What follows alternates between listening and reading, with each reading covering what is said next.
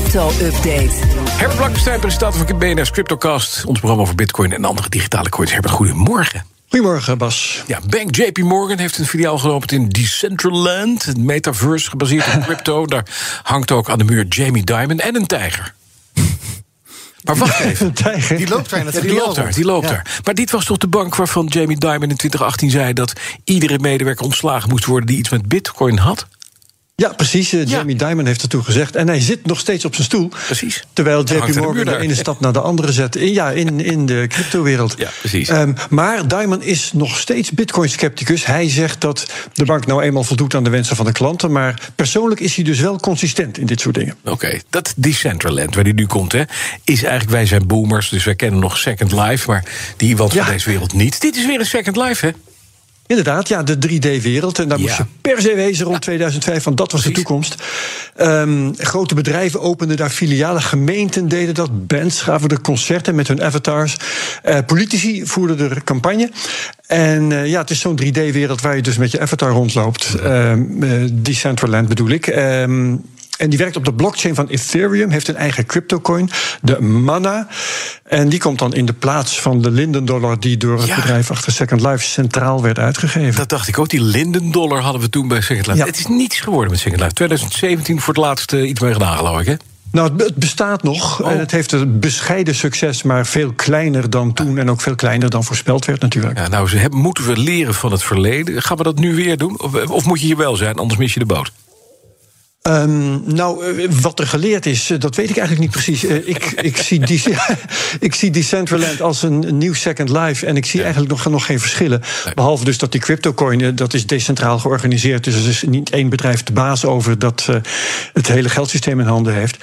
Ehm, ja, de eerste die nu meedoen krijgen flink wat publiciteit, want de halve wereld is het vergeten.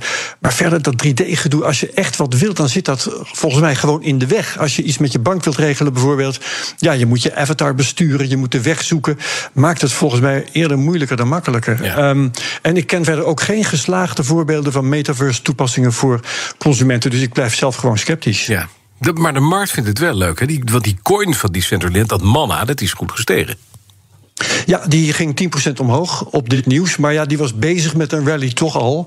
En daarna ging het ook meteen weer 5% omlaag. Dus eigenlijk is er veel, te veel ruis om te kunnen zeggen of die 10% nou door JP Morgan komt.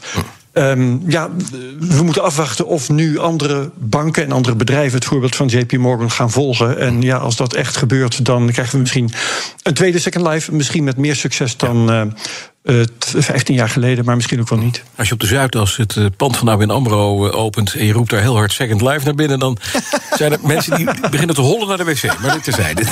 Dan Ja, even naar... Nou, probeer het eens. Ja. Ja. Eh, Het omgekeerde gebeurde deze week, want cryptobeurs Binance investeert dan weer in de oude economie 200 miljoen dollar in het oude medium Forbes. Ja, grappig hè. En Ja. eh, toen moesten allerlei mensen, ik zelf bijvoorbeeld, terugdenken aan America Online. Ja. Dat begin van deze eeuw Time Warner kocht. De nieuwe wereld koopt de oude. Nou, dat is overdreven, want Binance koopt Forbes niet, ze investeren. En eh, toen werd synergie verwacht. En in dit geval is dat eh, toch niet aan de hand. Er is niet zoveel synergie te verwachten tussen een cryptobeurs en een nieuwsmedium. Ja, en waarom doen ze het dan? Spreiding van risico? Eh, nou, bijvoorbeeld, ehm, eh, ik denk eigenlijk dat er iets anders aan de hand is. Want Forbes heeft zich in 2020 in de rechtszaal moeten verdedigen tegen Binance. Ehm, ze hadden geschreven dat de ingewikkelde bedrijfsstructuur van Binance de bedoeling had om aan regelgeving te ontkomen. Ehm, Binance was een beetje ja, gespreid georganiseerd, had geen hoofdkantoor en zo. Uiteindelijk heeft Binance van die zaak afgezien tegen Forbes. En nu kopen ze zich in. En ze hebben een persbericht uitgegeven met een quote ook van hun eh, directeur. En daarin staat nu de cryptomarkt volwassen wordt, zijn de media een essentieel element om de consument op te voeden en begrip bij te brengen. Einde citaat. Nou, dat klinkt dus niet echt als een aandeelhouder die zich helemaal afzijdig gaat houden van de inhoud. Nee, precies. Eh, dus eh, alle reden om Forbes de komende tijd even kritisch te volgen. Forbes was een crypto-tijdschrift. Precies, dat wordt dus ja. doen veel aan crypto, ja. Dus ze zijn daar eh, actief in, dat klopt. Ik volg ze ook wel. maar ben Binance die berichtgeving gaat veranderen. Nee, precies. En, nou, eh. Tot nu toe niet. En eh, kijken of het verandert. Nog eventjes kort, wat zit er in de CryptoCast deze week? Een interessant blockchain-project uit Emmen, dat heet Energieknip. Inwoners van Emmen hebben een energiesubsidie gekregen in de vorm van cryptomuntjes eh, via een QR-code.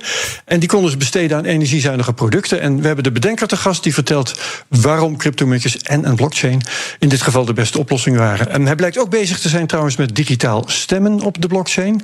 Dus dat nemen we intussen ook even mee. Dankjewel, Herbert Blankenstein. Alle afleveringen van de Cryptocast te beluisteren via BNR's app, bnr.nl of je favoriete podcast.